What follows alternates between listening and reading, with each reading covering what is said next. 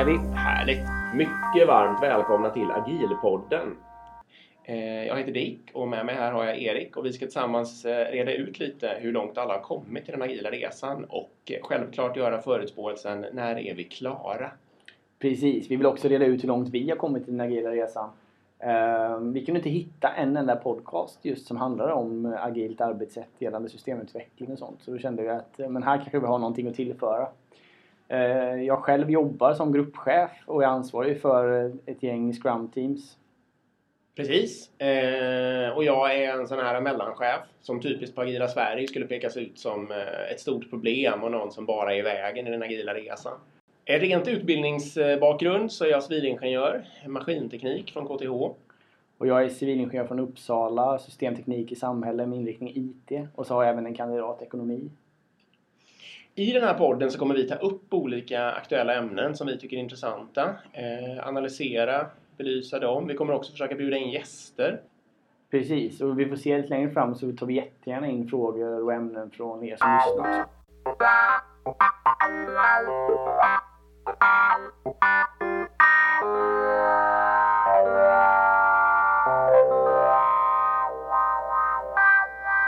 Dagens ämne är projektledning versus agila metoder. Eh, som vi ska bottna och prata lite om här. Precis. Och, och där har jag fått eh, ett exempel ganska klart för mig. Och det är att när jag gick från skolan till att bli projektledare så märkte jag att jag var tvungen att verkligen omvärdera hela mitt sätt att vara. Eh, och för att göra ett exempel som jag brukar ta så är det att jag gör en Danmarksresa med min flickvän. Och när jag åker till Danmark då med henne, om vi skulle göra det, då skulle vi ju planera en tågbiljett som vi kanske köper. Vi kanske bokar en restaurang på fredag när vi kommer ner och så bokar vi hotell. Och sen låter vi lördagen vara så får vi se var vi ska ta vägen. Och så tar ni lite allt eftersom och ser vad som händer. Precis. Ehm, och om något nu skulle hända då att tåget blir för sent och sådär. Då har vi möjlighet såklart att eh, ja, ställa in fredagens eh, restaurangbesök och bara boka om till på lördagen. Och så har ni timeslottat, ni ska vara hemma på söndag eftermiddag. Ni har satt någon ungefärlig budget, ni har en idé om att ni har råd med det här. Exakt, vi, har, ni. vi har 5000 på kontot och det är ungefär vad vi tror att det här kommer kosta. Exakt, och så där, så där gör man ju. Så där gör ju nästan alla par som åker till Danmark. Och det är ju det naturliga sättet och intuitiva sättet också att göra saker på. Uh, däremot om vi nu då skulle göra det enligt en projektmeningsmodell som man får lära sig när man börjar jobba eller för den delen i skolan också. Då ska jag ju detaljplanera egentligen varenda minut och varenda inköp. Så på tåget så kanske jag vill köpa en kaffe. Då måste jag ju ha de 15 kronorna den kaffen kostar innan då i budgeten. Och det vet jag ju inte när jag gör budgeten så jag måste ju uppskatta vad den här kaffen kommer kosta. Och om den kaffen nu mot förmodan skulle vara dyrare än vad jag uppskattat så måste jag ju liksom, då kommer jag ju bryta totalbudgeten. Och då måste jag ju i värsta fall då ha ett styrelsemöte och någon, en stor omplanering av hela planen och gå och äska för mer pengar. Du måste ju också ha bestämt där i förväg om både du och din flickvän vill ha något kaffe. Om det, ponera att det är du som är projektledare. Eh, Då tar ju det beslutet långt innan, innan man har någon som helst aning om, om kaffesuget finns eller inte på det där stackars tåget. Ja, För två stycken individer. Absolut så är det ju. Också då liksom, det är det här jag menar för om sen när vi kommer fram, om tåget är för sent nu då och vi kommer fram här till middagen, vi skulle ju rätt klockan sju och nu är klockan kvart över sju. Då är det ju liksom lite kört va. Då måste vi planera om. Då måste vi ta ett krismöte där nere. Eh, lägga ner några timmar på att göra om hela det här fina Gantt-schemat. Eh, planera om hela kostnaden. Och, liksom, och, det, och det här låter ju helt idiot, idiotiskt. Det är ju ingen som skulle göra så här. Men, men om man sätter sig på nästan vilket företag som helst i rollen som projektledare så är det precis det här du förväntas göra. Planer, budgetar eh, ändras fort det blir... Eh, ändra om hela planen så fort man råkar ut för en störning av något slag. Både i tid och kost. Precis. Och eh, de som är beställare ofta då och styrgrupper och så vidare, de är på riktigt, på riktigt förvånade att inte du kan uppskatta allt det här på stående fot och att inte det följs. Så du som projektledare får ju sen också stå och, och, och då ta den smällen när det här inte följs och det här inte funkar. Och då får du liksom eh, i princip frågan hur fan är det möjligt? Att inte det här gick i lås liksom. Du sa ju att det här skulle gå i lås. Men om vi säger nu att eh, fredagskvällen har fortsatt här. Klockan är kvart i nio nu efter att ni har haft era, eh, era omplaneringsmöten. Ehm, och ni har till slut enats om en eh, ny restaurang klockan kvart över nio. Ni är vrålhungriga. Ehm, incheckade på hotellet och har en ny plan eh, och budget. Ehm, så börjar ni, eh, kommer ni till restaurangen och beställer öl. Vad händer då? Precis. Vi hade ju också då innan vi kom till restaurangen ringt såklart våra stakeholders och verifierat att den här nya planen är okej. Men när vi gjort det så absolut. Ja, vad händer då? Då är ju då dessvärre den här ölen dyrare. Vi hade ju uppskattat den till 55 kronor och det visar sig att den kostar 59. Så det innebär att vi har ju helt enkelt inte råd att köpa den här ölen. Utan då måste vi ju planera om igen va? för vi vill ju ändå ha den här ölen. Så då får vi göra ett ny budget. Vi får räkna om allting. Och så måste vi såklart ringa upp stakeholdersen igen och kolla om vi kan gå över budgeten. Och så blir det ett nytt krismöte eh, och maten blir ytterligare en timme försenad. Nej, så här vill ju ingen vanlig människa leva.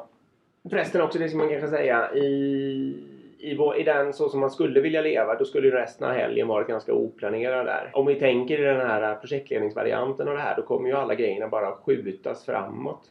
Och sen kommer eh, det här eh, solbesöket som ligger på söndag eftermiddag det kommer ju till över kanten och inte hinnas med. Och då är ju väldigt, väldigt ofta är ju lösningen, det rimliga i det här fallet skulle ju vara att åka hem på söndag kväll och börja jobba på måndag morgon. Men i en strikt projektledningsmodell så fastnar man väldigt ofta i det låsta scopet och vill ha med alla grejer och det betyder att tidplanen skulle rinna ut över nästa vecka, över måndagen. Och då kommer inte då kommer ett annat projekt, nämligen projektet Jobba, att bli försenat. Mm. Eh, Och det kommer ju kräva en ännu mycket större och svårare omplanering och bli helt ohållbart. Hur ska man göra istället? Hur gör man, hur gör man istället? Nu har vi touchat lite på det här. Ja, och det det sista jag rantade om här så touchade jag ju lite på att eh, man vill ju väldigt ofta timeslotta. Det är väldigt ofta intuitivt och fiffigt att eh, ha tiden fix. Att leverera med en viss tid och istället dra ner scopet. Precis, det vi håller flexibelt är scopet istället. Så då ställer vi helt enkelt in zoobesöket och tar det nästa gång vi är i Danmark och så åker vi hem på söndagskvällen. Exakt. Eh, Och då, då kommer vi kunna åka och jobba på måndagen och så vidare. Så är det ju helt klart. Och det som också är, det, det, det som inte premieras tyvärr då i en projektledningsmodell också, det är ju att lägga ner projekt. Eh, för, för jag menar, många gånger så kör man eh, oändlig tid och man inser att det här kommer fortfarande inte gå. Eh, man sätter upp ett nytt eh, slutdatum som är någon månad fram. Och eh, när man har gjort det någon månad fram och kommer fram till det och misslyckas igen, ja då skjuter man fram det ytterligare en månad och så lägger man till mer pengar och krisar lite och sådär. Och sådär kan hålla på rätt lång tid utan att man levererar någonting. Istället för att säga, men är det här, det här business caset kanske är över nu för nu har vi lagt så mycket tid på det här så att vi kommer inte känna igen det här liksom om vi genomför det. Så istället så borde man lägga ner det. Men att lägga ner ett projekt som en projektledare kommer uppfattas som ett misslyckande snarare än ett lyckande. Men men jag menar ju snarare att, ett, att våga göra det under rätt förutsättningar och ett kontrollerat sätt och att lägga ner någonting som inte är en bra idé. Det, det ska ju snarare firas. Det är ett mänskligt beteende som ligger bakom där att man ogärna vill erkänna ja, man har lagt väldigt mycket pengar på en sak eh, och sen eh, ändrar sig och drar tillbaka det. Då har man ju lite erkänt att det var dumt att lägga pengar på det från början på något sätt och det är väldigt ointuitivt för en människa att göra det. Styrkan där eh, i en agil approach är ju att pengar, alltså man, man, om, man leverer, om man ser till att verkligen ha levererat värde för varje, ja inom åtminstone en ganska kort tidsperiod då uppstår ju inte riktigt det där. För då har man ju kunnat ha nytta av de där första pengarna man la också. Även om inte nyttan blev så stor som man hade tänkt, även om ingenting gick som man hade tänkt, så har man i alla fall liksom på något vis kunnat använda det första som byggdes och gjordes. Och då är det mycket, mycket lättare att lägga ner. Än om man liksom har investerat i en stor jätteklump som man kommer få nytta av i, kasta över muren och få nytta av ett tillfälle så att säga. Och det du är inne på här också är ju att som beställare eller som kund så, är, så tror man ju att man vill ha det absolut bästa. Man vill ha liksom en, en Ferrari med den bästa motorn och den absolut bästa specen. Men om man då får en, en eh, tidigt i leveransen istället får en Fiat som ändå kan ta dig från A till B. Eh, den går inte snabbt och, och den har ingen V12 motor och så vidare. Men den uppfyller ändå ditt behov. Då kanske du kommer ändra din målbild. Alltså, du kommer inte vilja ha en Ferrari längre utan du kanske räcker, börjar räcka med en Volvo nu liksom. Eh, Och det är ju så man vill jobba istället, att man vill leverera värde och man vill leverera någonting som gör att du kan ta det från A till B om det är ditt behov tidigt. För att sen under processens gång då ha möjlighet att ändra sig och anpassa sig efter vad är det faktiska behovet. För det som beställaren ofta inte vet det är vad är mitt behov utan man har en vision och man tror någonting. Och om man jobbar mot att leverera den visionen tre, fyra, fem, kanske till och med upp till ett år senare i en stor leverans. På ett år så kommer den här personen att ändra sin vision. Så det du levererar kommer stämma mot det som var för ett år sedan men det kommer inte stämma mot det kunden vill ha idag, ett år senare.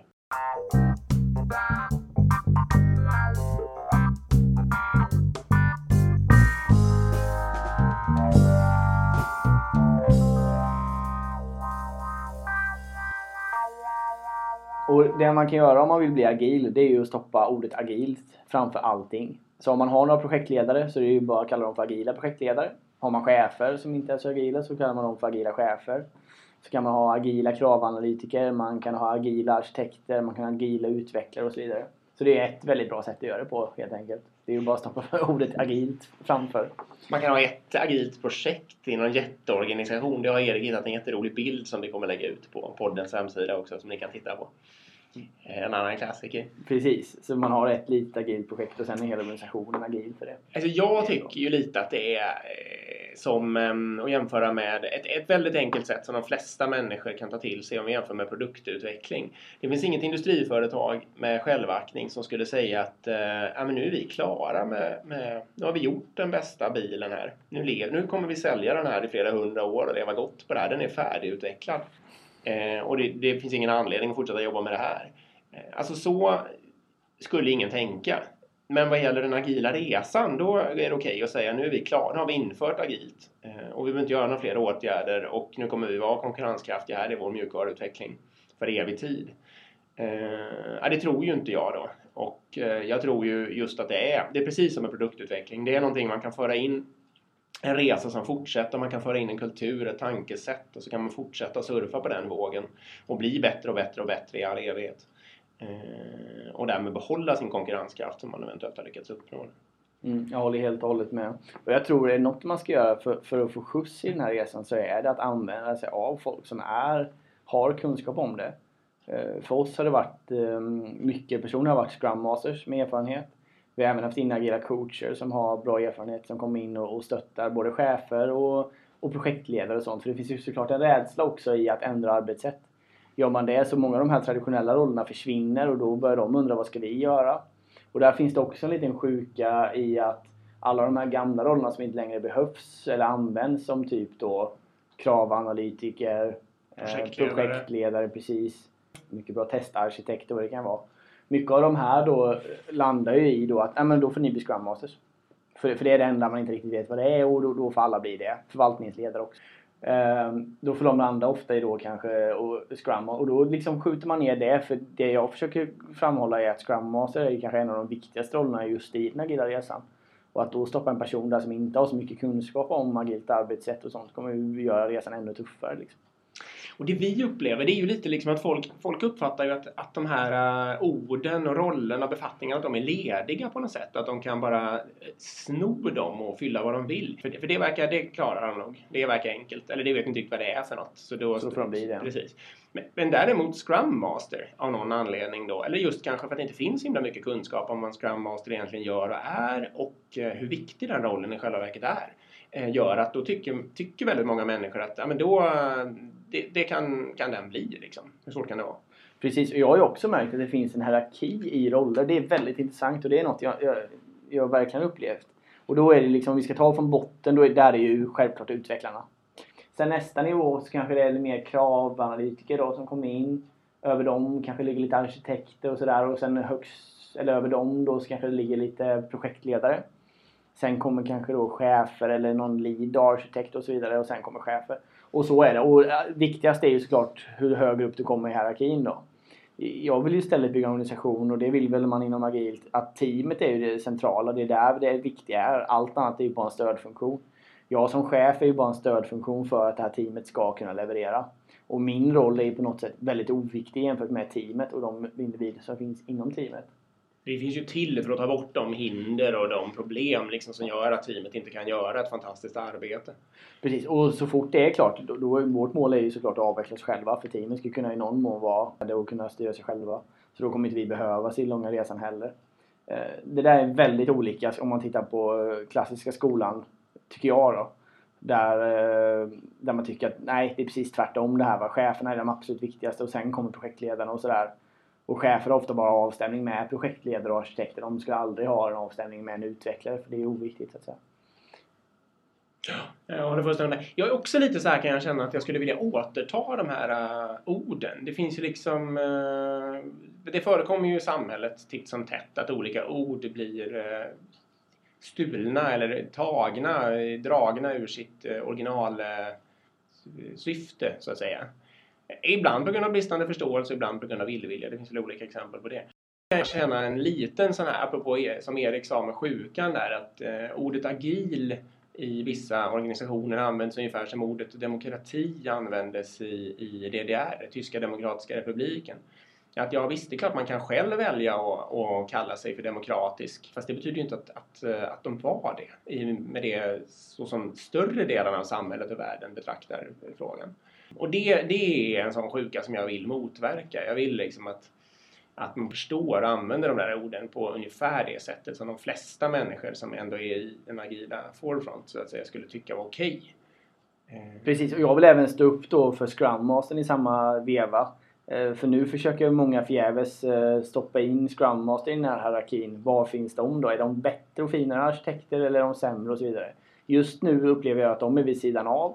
Och det man inte vet nu hur man ska placera det placerar man där. Det är någon form av slasktrask eller hink där man stoppar ner allting så man inte vet vad det är ungefär.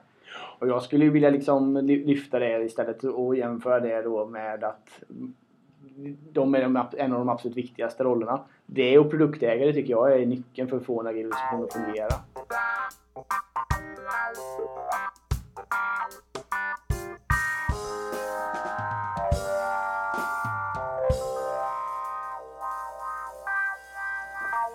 Hierarkier, vad tycker du om det Erik? Ja, det är också lite en projektledningssjuka om vi ska vara kvar där då, i projektledningssjukans värld. Eh, många, och det är inte bara projektledare i och för sig, utan det är, det är många i en vanlig organisation som då finns det en inbyggd hierarki. Till exempel då kan man säga att en projektledare, det är inget fel för den har en avstämning med chefen och arkitekten. Men som projektledare att ha en avstämning med en testare och en utvecklare, det, det, det kanske inte är lika naturligt. Så kan man till exempel märka hierarkierna det där skapar ju inlåsningseffekter. Eh, att människor eh, identifierar sig med sin roll eller sin befattning. Det skapar, det mänskliga beteendet som ligger bakom det är väl en trygghet. Jag ska veta att jag finns till för det här och det här och jag är viktig på grund av eh, att, att jag uppfyller den här rollen. Och det är det som är min plats liksom, i tillvaron eller den här organisationen eller vad det nu är för någonting. Och det är väldigt lätt att människor i en hel organisation hamnar eller fastnar i det här. Det är ju självklart en kultur. Den sätter sig, den sätter sig hårt. Den kan vara mer eller mindre hierarkisk. I Sverige kanske vi är mindre hierarkiska. Det är i alla fall ingen, det är ingen fördel. Det blir inte mer gjort på grund av det beteendet skulle jag säga.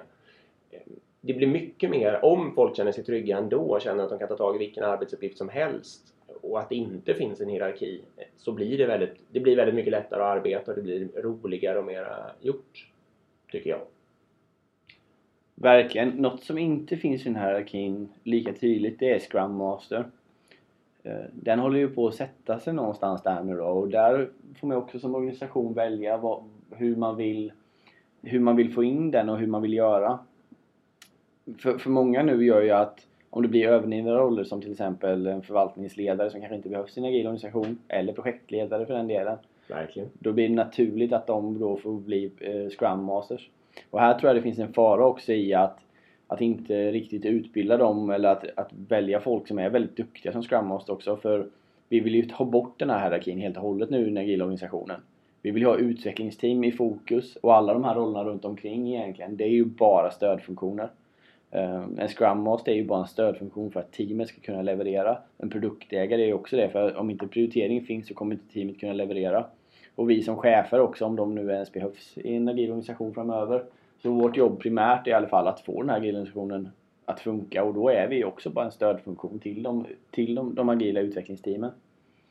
Så jag tror det är väldigt viktigt här hur man väljer att spela rollen Scrum Master och hur man som organisation väljer att se på den.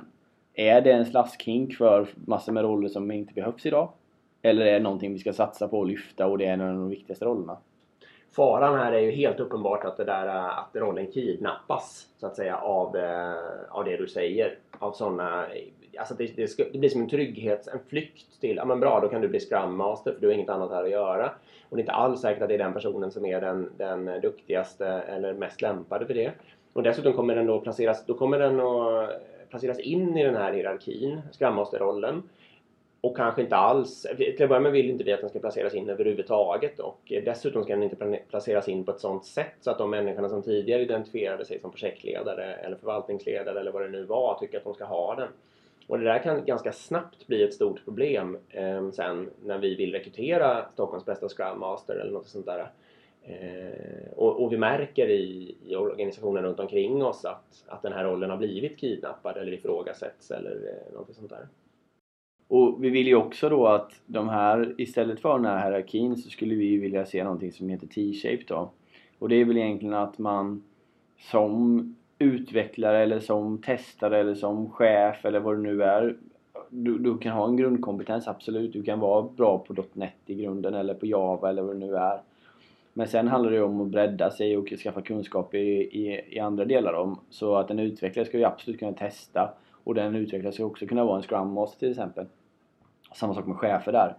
Att chef i sig kan ju vara okej, okay, jag är väldigt bra på ledarskap, jag är duktig på att rekrytera och jag är bra på att få folk att trivas och ha roligt på jobbet. Men jag kan också hjälpa till att testa och vara teknisk eller jag kan utveckla och så. Jag tror det är väldigt viktigt för får man den organisationen då tar vi bort hierarkierna lite. Och sen framförallt gör vi att vi låser oss inte på nyckelpersoner. Idag är det ofta så att man har en duktig arkitekt eller några duktiga utvecklare. Utan dem så kommer man inte vidare. De är nyckelkompetenser och de, bara de vet hur man ska lösa vissa problem i olika delar av applikationen eller i olika flöden. Um, och det, gör, det skapar ju också att man måste planera runt om och det blir liksom ett vattenfall och det blir bromskloss och flaskhalsar i, i, i processen. Man får vattenfall i sprinten om man inte passar sig. Det är också väldigt, väldigt vanligt. Man, att man kör sprintar men, men i själva fallet så gör man backend, fronten och test. Och så är man beroende av vissa individer i, i, inom sprinten. Och i värsta fall så sitter då de andra och väntar mer eller mindre eller jobbar på något slags väldigt lågintensivt. Testarna jobbar väldigt lågintensivt i början av sprinten och utvecklarna väldigt lågintensivt på slutet.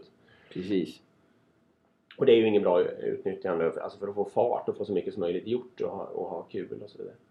Och sen verkligen ha kul för, för att sitta just i sin roll och sitta i, som liksom en del i en kedja, det, det är ofta inte så roligt det kanske är kul för någon som får spela hjälte och vara den här nyckelpersonen men för de övriga individerna så är det inte så roligt.